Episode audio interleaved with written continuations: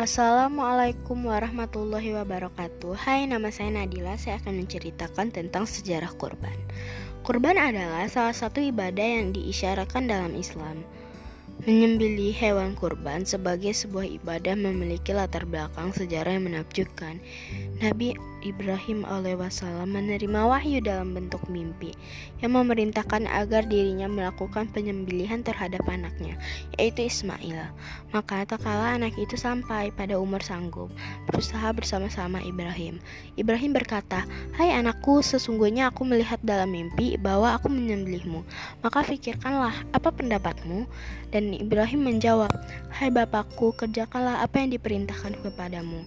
Insya Allah kamu akan mendapatiku termasuk orang-orang yang sabar.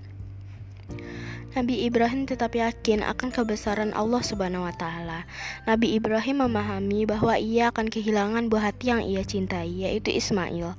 Jika perintah penyembelihan dilaksanakan, walau begitu Nabi Ibrahim tetap yakin bahwa Allah lebih menyayangi Ismail daripada dirinya sendiri. Dan semua itu terbukti kepada Nabi Ibrahim bersiap-siap untuk menyembelih anaknya. Seketika Allah mengirimkan seekor gibah atau domba jantan yang menggantikan Nabi Ismail. Tak kala keduanya telah berserah diri dan Ibrahim membaringkan anaknya di atas pelipisnya.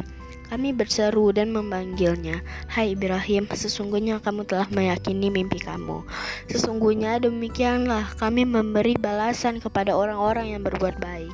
Sesungguhnya ini benar-benar merupakan ujian yang nyata, dan kami tebus putra itu dengan seekor ekor kambing, sembilan yang besar, dan kami abadikan untuk Ibrahim itu, atau pujian yang baik. Di kalangan orang-orang yang datang kemudian, kesejahteraan dilimpahkan atas Ibrahim.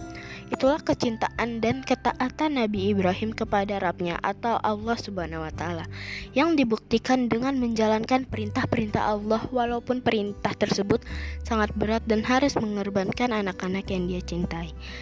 Ibadah kurban sesungguhnya bentuk kepasrahan seorang hamba kepada Allah untuk mendekati dirinya kepadanya. Assalamualaikum warahmatullahi wabarakatuh.